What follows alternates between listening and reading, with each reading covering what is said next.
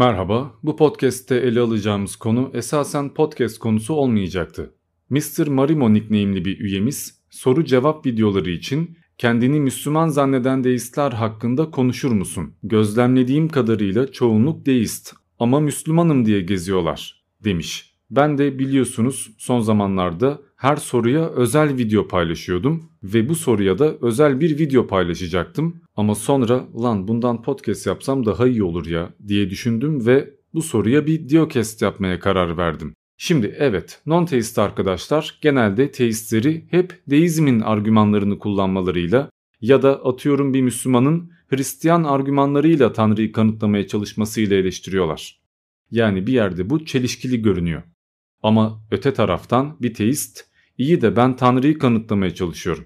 İster Hristiyan argümanıyla olsun, ister deizmin argümanlarıyla olsun, Tanrı'yı ispatladıktan sonra bence pek de bir önemi yok diye düşünüyorlar. Peki bu ne kadar mantıklı? Öncelikle bence mantıksız değil. Mesela ben bir Müslüman olsaydım ve amacım Allah'ı ispatlamak olsaydı buna önce Kur'an'dan bahsetmekle başlamazdım. Neticede karşımdaki adam Tanrı fikrini reddediyor. Yani İslamiyeti veya Hristiyanlığı değil. İlk reddettiği şey Tanrı. Haliyle ben ona önce Tanrı'yı ispatlamak zorundayım. Adam Tanrı'ya inanacak ki hangi Tanrı gerçek, hangi din gerçek? Örneğin tamam Tanrı var ama niçin İslamiyet gerçek olsun ya da niçin Kur'an gerçek olsun diye düşünmeye başlayacak. E yani cehenneme inanmayan bir adamı cehennemle korkutmaya çalışmak saçma olacaktır. Zira adam zaten inanmıyor. Korkması için önce inanması lazım. Bu yüzden de önce Tanrı yoktur fikrini kırmak gerekiyor. Ardından da eğer Tanrı varsa bizle ilgileniyor mu yoksa ilgilenmiyor mu? Veya Tanrı varsa din yollar mı yoksa yollamaz mı? Bu sorunu çözmem gerekiyor. Ve en sonunda Tanrı bizimle ilgilenir ve ilgileniyorsa din göndermesi lazımdır. Peki din gönderiyorsa bu hangi dindir? Şu şu sebeplerle benim dinimdir gibi taktiklerle muhatap olduğum kişiyi kendi inandığım dine çekmem gerekiyor. Bu açıdan bence bir teistin deist argümanlarıyla uğraşmasında pek bir sakınca yok. Sakıncalı olan şey kendi inançlarıyla çelişen argümanlar kullanmaları. Örneğin Roma veya Yunan mitolojisine inandıysan oturup da Allah tektir türünden bir argümanı savunmazsın. Çünkü inancına ters. Ama bugün din ve inanç o kadar birleşmiş vaziyette ki ve ayrıca insanlar inandıkları dini o kadar az biliyorlar ki dinlerine tamamen ters olsa da bazı argümanları savunabiliyorlar.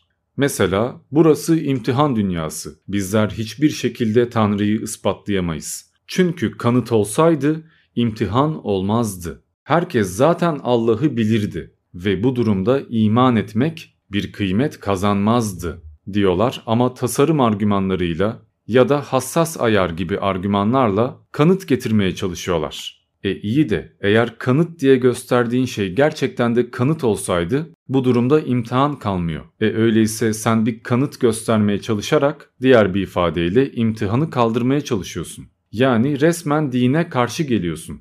Bak eğer bir deist olsaydın problem kalmayacaktı. Çünkü bir deistsen Tanrı vardır diyebiliyorsun ve herhangi bir imtihandan veya cennet cehennemden bahsetmen gerekmiyor. Ama bir teist olduğun takdirde, mesela Müslüman olduğun takdirde bunu yapman Allah'a karşı gelmen demektir. Ya da karşımıza Pascal'ın kumarıyla geliyorsun yani ya varsa o zaman ne yapacaksın? Tanrı yoksa ben ona inanmamakla hiçbir şey kaybetmem ama varsa çok şey kaybederim. E o zaman inanmak daha mantıklı gibi şeyler diyorsun ki bununla alakalı bir podcast yapmıştım zaten. O yüzden pek de uzatmayacağım ama burada anlaman gereken şey bunu bir deistin söyleyebileceği. Çünkü bir deist Tanrı'yı bir tüccar gibi görebilir. Ve ben Tanrı ile ticaret yapacağım ve kazanmak için yani kendimi garantiye almak için inanmasam da inanmış gibi yapacağım der. Daha doğrusu demeye hakkı vardır. Zira deistin tanrısı bir karakter giymiş değildir. Tanrıdan ne anlıyorsa Tanrı odur. Eğer bir deist ya varsa mantığıyla inanmışsa bu durumda Tanrı niyetinize, amellerinize, iyi biri olup olmadığınıza ve bu gibi şeylere değil de yalnızca ona tapıp tapmadığınıza bakıyordur. Yani samimi, merhametli veya bağışlayan bir tanrı olmayacaktır. Ve eğer tanrı gerçekten de böyleyse bu durumda inanmasanız da inanıyor gibi yapmak mantıklıdır. Ama eğer inandığınız tanrı imana bakıyorsa yani gerçekten inanıp inanmadığınızı, ibadet edip etmediğinizi ve bunları yaparken samimi olup olmadığınızı dikkate alıyorsa bu durumda ya varsa diyerek inanmak ya da başka birini bu türden argümanlarla inandırmaya çalışmak ahmaklık olur. Zira burada yapmaya çalıştığın şey Tanrı'yı kandırmaktır. Sen bir yandan Allah adildir, her şeyi bilendir ve o önce imana, kalbe bakar diyeceksin. Bir yandan da Allah sanki enayiymiş gibi dur ya bir inanmış gibi yapayım da en azından varsa kurtulmuş olurum diyeceksin. E yani ne diyeyim ki kolay gelsin. Pek de uzatmaya gerek yok bence. Çünkü buradaki problem teist olduğun halde deist argümanlarını kullanmak değil. İnandığın dine ters olan argümanları kullanmakta. Mesela her resmin bir ressamı vardır. Her arabanın da bir mühendisi, bir tasarımcısı vardır. Yani her şeyin bir yapanı vardır. E öyleyse evrenin de bir yapanı yani tasarlayanı, yaratanı vardır. Diğer bir ifadeyle Said Nursi'nin de dediği gibi bir iğne ustasız olmaz, bir köy muhtarsız olmaz, e bu koca kainat nasıl olur da vesaire vesaire. Şimdi en başında makul görünüyor ama değil çünkü sen en başından beri yaratılmış kabul ettiğin varlıklardan bahsediyorsun. Mesela ressam bir insandır ve insan doğrulmuştur. Yani yaratılmıştır veya tasarlanmıştır. En azından inanca göre böyle ve tasarımcı zaten yaratılan ya da doğrulan yani eksik olan bir varlıktır. Ya da köy. Zaten köy insan yaşıyorsa köydür ve köyler, kasabalar, şehirler insanlar tarafından meydana getirilmiştir. Örneğin balta girmemiş bir orman köy veya kasaba değildir ve orada bir muhtara da ihtiyaç yoktur. Haliyle sen neyden bahsettiysen bunlar daha en başında yaratılmıştı. E sen onlara baktın ve onlar şöyle şöyle yapıyor öyleyse Allah da böyle yapmıştır dedin. Ama bu durumda Allah bizim gibi yaratılmış olur. Ya da en azından bizim gibi yaratılmış, eksik ve ölümlü varlıkların yaptığı şeyleri yapmış olur.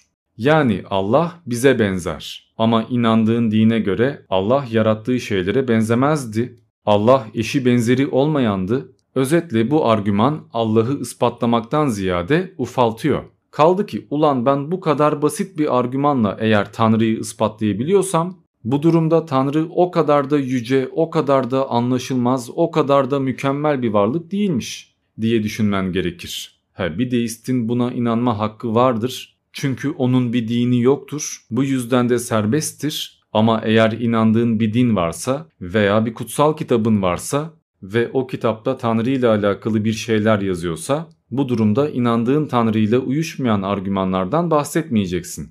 Çünkü bunu yaptığın takdirde dinden çıkmış oluyorsun. Buna reformizm yani dini yeniden yorumlamak ya da kendi anlayışına göre dini güncellemek denir. Ve eğer bu türden argümanlarla şeriatın hakim olduğu bir ülkeye gidersen ve orada bakın ben şunla bununla Allah'ı kanıtlayacağım dersen kafir veya dinsiz damgası vururlar. Zira kanıt getirmek şüphe ettiğini ispatlayan bir şeydir. E yani mantıken şüphe olmasaydı kanıt göstermeye de gerek kalmayacaktı. Bu yüzden de birisi ben 10 tane ispatla Allah'ı ispatlayacağım dediği takdirde ehli sünnet biri vah vah demek ki 10 kere şüphe etmiş. Yazık olmuş diye düşünecektir. Bu yüzden de bir teist eğer Tanrı'yı ispatlayacaksa kendi kitabıyla ispatlamak zorunda. Ki bunu yapmaya çalışanlar da genelde bilimsel gelişmelerden pay çıkarmaya çalışıyorlar. Yani işte bilim şunu şunu kanıtladı. Bu da bizim kutsal kitabımızda zaten yazıyordu. Öyleyse bu bizim kutsal kitabımızın gerçekten de Allah'tan geldiğini gösteriyor. Vay efendim Zariyat suresinde böyle diyor. Aha Hubble teleskobu da bunu gösteriyor. Zaten Zümer suresinde de neler neler vardı da kimse bilmiyordu ama bilim adamları bugün bunu kanıtlıyor gibi şeyler. Tamam biraz çaresizce ama yine de makul bir çaba. Neticede kutsal kitaplar öğüt doludur ve size hem şöyle yaşayın, şöyle davranın derler hem de doğayla alakalı bir takım açıklamalar sunarlar. Yani yıldızlar şöyledir veya güneş böyledir, zaten dünya da şöyle şöyle yaratılmıştır vesaire vesaire. Dolayısıyla sizin Eğer şüphe duyuyorsanız doğayı araştırmanız ve acaba kitap gerçekten de doğruyu mu söylüyor yoksa uyduruyor mu diye araştırma yapmanız gerekebilir. Bazen gerçekten de kutsal kitapta yazan bazı şeyler doğru çıkar, bazense yanlış olur. Ve eğer gerçekten de doğru çıkan bir şeyler varsa elbette ki bir mümin bundan fayda edecektir, reklam yapacaktır. Gördünüz mü işte benim inandığım din gerçekmiş falan diyecektir. Bu gayet normaldir. Yanlış olan şey tersi yaşandığında bunu görmezden gelmeleridir. Mesela kutsal kitapta dünyanın düz olduğuyla alakalı ifadeler varsa bir mümin bunu mecazi yorumlayacaktır. Ya orada onu demek istemiyor aslında. Zaten başka bir ayette bununla uyuşmayan başka bir şey söylüyordu ama bu kesinlikle çelişki değil. Burada anlam derinliği var. Allah biz anlayalım diye böyle anlatıyor ya da oradaki o bilmem ne kelimesi Arapçada zaten 9 milyon 855 bin anlama geliyor. Bu yüzden de burada belki düz gibi görüyor olabiliriz ama esasında dünya elipstir, geoittir, yuvarlaktır ya da dikdörtgendir demek istiyor. İlla ki biri tutuyor. Yani bu böyle gidiyor. Peki ben bir teist olsaydım ne yapardım? Yani onu yapma, bunu yapma, bu yanlış, bu çelişkili, e ne yapacağız hiç mi konuşmayacağız diye düşünüyorsak ben eğer bir teist olsaydım bilimle ya da sezgiyle Tanrı'yı ispatlamaya çalışmazdım. Çünkü eğer Tanrı bilimle ispatlanabiliyor olsaydı e, bilim maddeyle yani dini mantıkla söylersek yaratılmışla uğraşan bir alan ve eğer bilim Tanrı'yı gösterebiliyorsa ya da onunla alakalı bir ipucu veriyorsa bu durumda Tanrı bilimin konusu olacaktır. Yani araştırma konusu olacaktır ve Tanrı herhangi bir yöntemle veya taktikle her daim ulaşabileceğimiz, kontrol edebileceğimiz, o belli yöntemle gözlemleyebileceğimiz bir varlığa dönüşecektir. Ve bu türden bir tanrı Olimpos dağında oturan Zeus gibi ya da diğer paganların bir takım tapınaklar yoluyla ulaştıkları kusurlu ama bize göre daha kuvvetli bir varlık olacaktır. Fakat Müslümanlığın tanrısı ya da Hristiyanlığın tanrısı bu türden bir tanrı değildir. Devam edersek Allah'ı başka hangi yöntemlerle ispatlayabilirim? Mesela sezgiyle. Peki bu gerçekten de mümkün mü? Yani Allah bir tecrübeyle, bir sezgiyle veya ibadetle ulaşılabilir mi? Bence bu da mümkün değil çünkü sezgi kişisel bir şeydir. Ve sezgiden gelen bilgi ancak ve ancak benim ulaşabildiğim bilgidir. Yani ben kalp gözüm açıldığı takdirde ya da Allah bana hidayet verdiği takdirde sadece ben aydınlığa kavuşuyorum. Bu bir tek beni ilgilendiriyor. Çünkü o vahiye veya ilhama bir tek ben ulaşmış oluyorum. Ve bunu başka insanlara gösteremiyorum, ispatlayamıyorum. Anca işte ben gördüm, şöyle erdim, vay efendim şu türden bir tecrübe yaşadım da Allah'ın gerçek olduğunu gördüm. E hadi sen de gör. Ya sen inanmıyor musun bak söylüyorum işte bana güven ya ben doğruyu söylüyorum gibi şeyler söyleyebiliyorum. Yani vaatlerde bulunuyor. İnsanlara bir şeyleri ispatlayamıyorum. Kaldı ki zaten sezgi ispatlanmaz. Zira bu ispatta bir takım deliller, nedenler, sonuçlar, gelişimler ve özellikler bulunur. Dolayısıyla bunlar tespit edildiği takdirde her insan belli bir yöntemle sezgiye ulaşmış olur. Halbuki sezgi bize verilen bir şeydir. Yani Tanrı tarafından bahşedilen bir şeydir. Ve sezgi direkt Tanrı'dan geldiği için imtihan ortadan kalkar. Zira Tanrı %100 vardır. Bu yüzden de ben eğer Tanrı'yı kanıtlayacaksam bunu akılla yapmaya çalışırım. Ama akıl akıldan üstündür. Bu yüzden de 90 IQ birisi ile 150 IQ birisi aynı argümandan aynı şeyi anlamayacaktır. Haliyle akılla ulaşılan bir tanrı kişisel olmaya mahkumdur. Ve aynı zamanda benden daha akıllı birisi benden daha mantıklı bir argüman ya da iddia sunabilir. Bu durumda önümde iki yol var. Ya benden daha akıllı olan kişi hangi argümanla geldiyse ve bu argüman gerçekten de benimkinden daha iyiyse bunu kabul edeceğim ya da reddedeceğim. Veya ben bir argümanla öne çıktığımda ve insanlar buna karşı geldiğinde bunlar mal o yüzden de anlamıyorlar diyeceğim. Nitekim tasavvuf alimleri zaten bunu yapıyorlar. Bu yüzden de tasavvuftan anlayana havas yani üstün tabaka, anlamayanlara ise avam yani cahil. Diğer bir ifadeyle halk diyorlar. Peki Tanrı'yı akıl yoluyla kanıtlamak mümkün mü? Öyle veya böyle, kişisel veya değil. En azından bir takım argümanlardan bahsetmek gerekse öne sürebileceğimiz neler var? Aslında pek bir şey yok. Zira akıl ispatla değil mantıkla yani gerekçeyle çalışır. Haliyle akıl Tanrı'yı kanıtlamaz. İnanmaya uygun bir mertebeye çekmeye çalışır. Mesela Anselmus'un ontolojik argümanı ya da Descartes'in mükemmellik anlayışı buna örnektir. Zaten daha sonra Leibniz veya Spinoza gibi insanlar da bu argümanları savundular. Basitçe özetlersek şöyle. Şimdi benim aklımda her şeyi gücü yeten ve tartışılmaz bir üstünlüğü olan bir tanrı fikri var değil mi? Tanrı gerçek olsun veya olmasın problem yok. Böyle bir fikir var. Ve eğer Tanrı her şeyi gücü yetense bu durumda Tanrı hiçbir şeyden soyutlanamaz. Mesela Tanrı gerçek değilse yalnızca aklımda olacaktır. Yani dış dünyada veya gerçek ortamda değil. Yalnızca hayalimde var olacaktır. Ama bu durumda bir bardak bile bu Tanrı'dan daha üstün olur. Çünkü bardak hem dış dünyada yani gerçekte hem de hayalimde vardır. Ve bu her şeyi gücü yeten Tanrı fikriyle çelişir. Çünkü bir tek fikirde olsa bile eğer Tanrı her şeyi gücü yetense bu durumda her şeye gücü yeten varlık yalnızca zihnimde değil gerçekte de var olmak zorundadır. Ve bu her şeye gücü yeten Tanrı fikrini kendi kendine ispatlar. Çünkü daha bu türden bir Tanrı kurguladığımız anda otomatikman onun var olduğu sonucu ortaya çıkar. He, bu argümana şöyle itirazlar getiriliyor. E iyi de ben şimdi her şeyi gücü yeten bir beş kafalı inek düşünsem bu durumda hayalimde var diye gerçekte de var olmak zorunda mı? Eğer her şeyi gücü yetense evet ve zaten bu inek her şeyi gücü yetense bu durumda Tanrı kadar kudretli olmaya da gücü yetecektir. Ve bu durumda bu inek zaten Tanrı olacaktır. Yani esasında pek bir şey değişmiyor.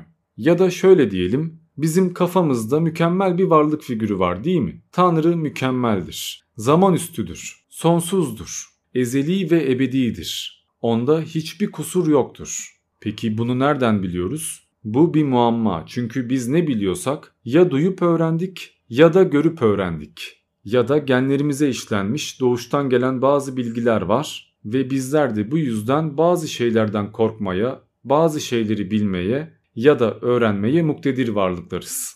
Öte yandan biz ne biliyorsak onu benzerleriyle biliyoruz ya da diğer varlıklardan ne kadar farklı olduğuyla bu türden bir ayrımla onun ne olduğu hakkında konuşabiliyoruz.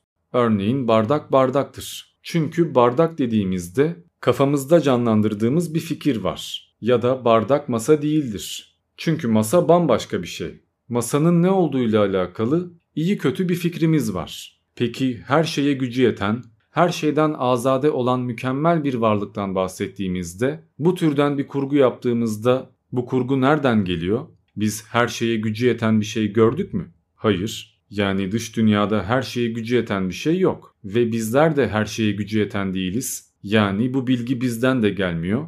E, her şeye gücü yeten fikrini her şeye gücü yetmeyen varlıklara bakıp bu sayede bilmiş de değiliz. Zaten öyle bulsaydık bu durumda otomatikman bu iddia ispatlanmış olurdu.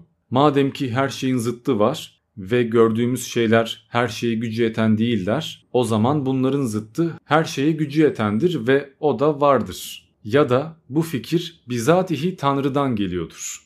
Yani zaten mükemmel olan her şeye gücü yeten varlığın kendisinden geliyordur. Zaten mükemmel olmayandan mükemmel bir şeyin çıkması mümkün değildir. Haliyle mükemmel bir şeyden bahsediyorsak demek ki mükemmel bir şey vardır. Bakın bu tür gerekçelendirmeler İslamiyete veya başka bir teist anlayışa ters değil. Ve bunlar esasen deist argümanlar. Zira Allah'tan veya Zeus'tan bahsetmiyorlar. Tanrı fikrinden bahsediyorlar. Ama en azından savunulmaya uygunlar. Ve bir Müslüman veya Hristiyan bu türden bir argümanla ortaya çıkabilir. He bunların da elbette kusurlu tarafları vardır. Bunlar da eleştiriye açıktır ama en azından bir anlamları vardır. Sizler bu türden argümanlarla birini önce Tanrı fikrine inandırıp ardından da kendi inandığınız dinin doğruluğunu göstermeye çalışmalısınız. Öyle daha kutsal kitabınıza bile bakmadan, kendi inandığınız dini bile anlamadan bir iki tane medya maymununa bakarak ezbere argüman savunmamalısınız. Yani adamın biri çıkıyor biraz bilimsel terimler kullanıyor. Ontolojik, teleolojik, epistemolojik, kelamın kozmolojik bilmem ne cacık bir şeyler söylüyor. Ardından da bir iki tane isim veriyor işte Gazali'dir, İbn Sina'dır, Farabi'dir. Sizler de hemen o ne kadar mantıklı ya baksana bir ondan bahsetti bir bundan bahsetti. Kesin çok mantıklı konuşuyor diyerek adamın argümanlarını kopyalıyorsunuz. Ondan sonra da millete madar oluyorsunuz. Zira adamın anlattığı şeylerle alakalı hiçbir fikriniz yok. Tabi aynı şeyi bazı ateistler de yapıyorlar. Ateizmden gram çakmıyorlar. Tek dertleri İslamiyet'e veya belli bir dine inanmamak, tek dertleri esasında politikaya veya siyasal inanca karşı gelmek ya da marjinal görünmek ama maalesef temeller sağlam değil. Bu yüzden de bir iki tane hadisten, ayetten ya da mucize iddiasından bahsedildiğinde hemen afallıyorlar. Ulan acaba gerçekten de var mıydı ya lan acaba hata mı ettik? Ya da işte ben 10 yıl önce ateistim çok da araştırıyordum ama bir gün aydınlandım ve İslam'a geldim ya da şu dine girdim hakikati gördüm. Bu yüzden hani ateist arkadaşlar bakın ben de sorguluyorum ha cahil falan değilim. Zamanında çok güzel sorgulamıştım. Ne olduysa bir yerde sorgulamayı bıraktık kafa durdu. Neyse yani ama özetle hani ben de bilgiliyim diyorlar. Komik yani diyecek bir şey bulamıyorum.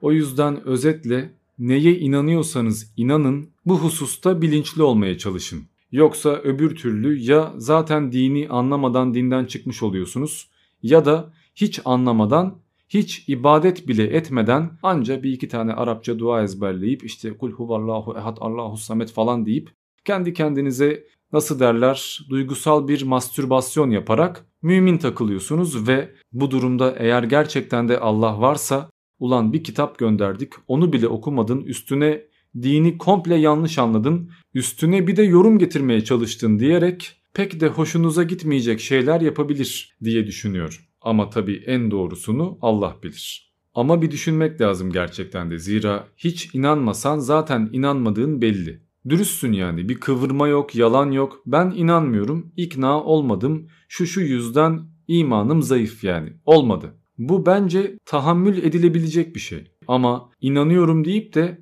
dini tahrif ediyorsan bu durumda esasında kendi inancına savaş açmış oluyorsun. Yani sen kitapta şunları söylemişsin ama bence bunu söylemek istemişsin o yüzden de böyle yaptım. Bu bence pek de görmezden gelinecek bir hata değil. Fakat bilinçli bir şekilde kendi inancınla çelişmeyecek argümanlardan bahsetmen, önce Tanrı'yı ispatlamaya, en azından inancında samimi olmaya ve onu bulmaya çalışıyorsan, işin sonunda inansan da inanmasan da hiç değilse bu çabayı göstermiş olman bence takdire şayandır. Ve bunu yaparken eğer yalan söylemiyorsan, bilimsel gerçekleri çarpıtmıyorsan ya da dini eğip bükmüyorsan inanmanda veya inanmamanda hiçbir sakınca yoktur. Evet, şimdilik bu kadar. Ben Diamond. Diğer Diokesler'de görüşmek üzere.